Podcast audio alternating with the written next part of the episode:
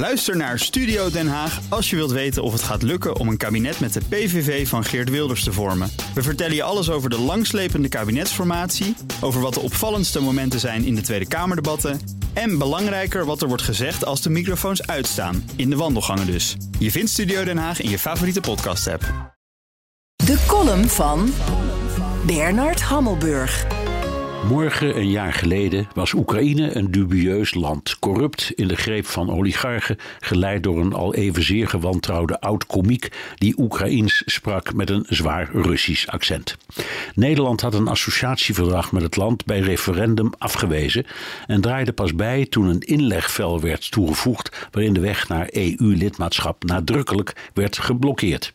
Morgen, een jaar geleden, was Oekraïne al acht jaar in oorlog met Rusland, dat een deel van het land had bezet dat het nu heeft geannexeerd. Toen met groene mannetjes, nu met recruten en huurlingen. Europa riep dat het een schande was. Er was deernis over 14.000 doden. Er waren onderhandelingen in Minsk. Er was vooral veel Russisch gas.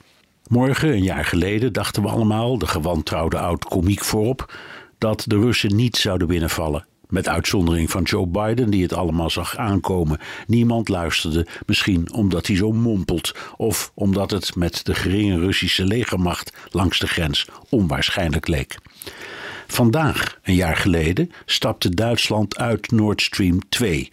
Nadat het de hele aanlegperiode had beweerd dat het geen politiek, maar een economisch project was, daarin gesteund door onder meer Nederland. Vrijdag, een jaar geleden, toen de inval was begonnen, dachten we dat het na een paar dagen wel weer over zou zijn. Rusland droomde misschien even over het veroveren van Kiev en het afzetten van de oud-komiek, maar we namen aan dat het ging om het gebied in het oosten dat ze al voor een deel in handen hadden.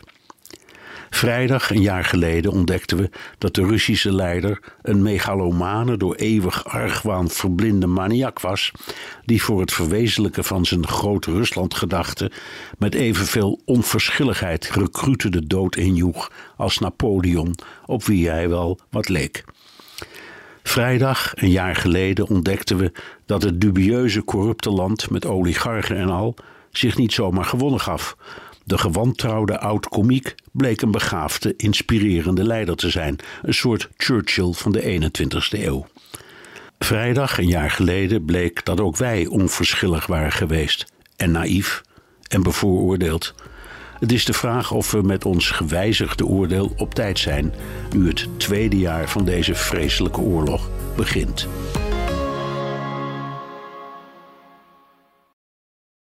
Ook Hugo Reitsma vind je in de BNR-app. Superhandig die BNR-app. Je kunt alle programma's live luisteren, breaking nieuwsmeldingen. Je blijft op de hoogte van het laatste zakelijke nieuws. En je vindt er alle BNR-podcasts, waaronder natuurlijk de belangrijkste, Boeken zijn in de wijk.